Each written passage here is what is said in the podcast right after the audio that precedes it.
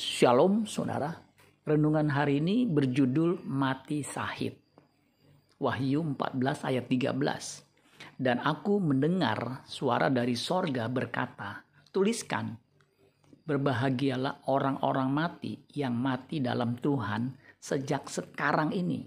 Sungguh, kata roh, supaya mereka boleh beristirahat dari jerih lelah mereka, karena segala perbuatan mereka menyertai mereka.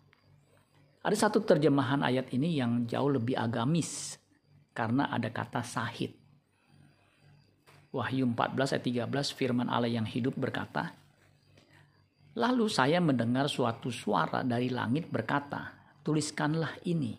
Akhirnya tibalah saatnya bagi para sahidnya untuk menerima pahala mereka sepenuhnya.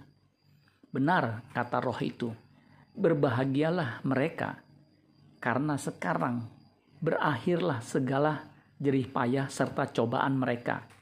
Perbuatan baik mereka akan menyertai mereka ke surga. Orang yang mati dalam Tuhan disamakan dengan mati sahid atau syahid. Menurut Kamus Besar Bahasa Indonesia, syahid adalah saksi dalam usaha menegakkan atau mempertahankan kebenaran agama Orang yang mati karena membela agama disebut mati syahid.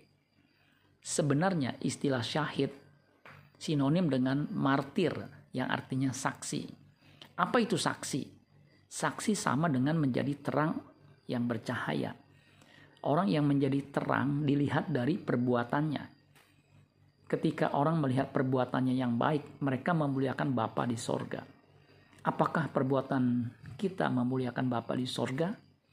Hanya orang yang perbuatannya memuliakan Bapa di sorga yang berbahagia jika ia mati, karena segala perbuatan mereka menyertai mereka.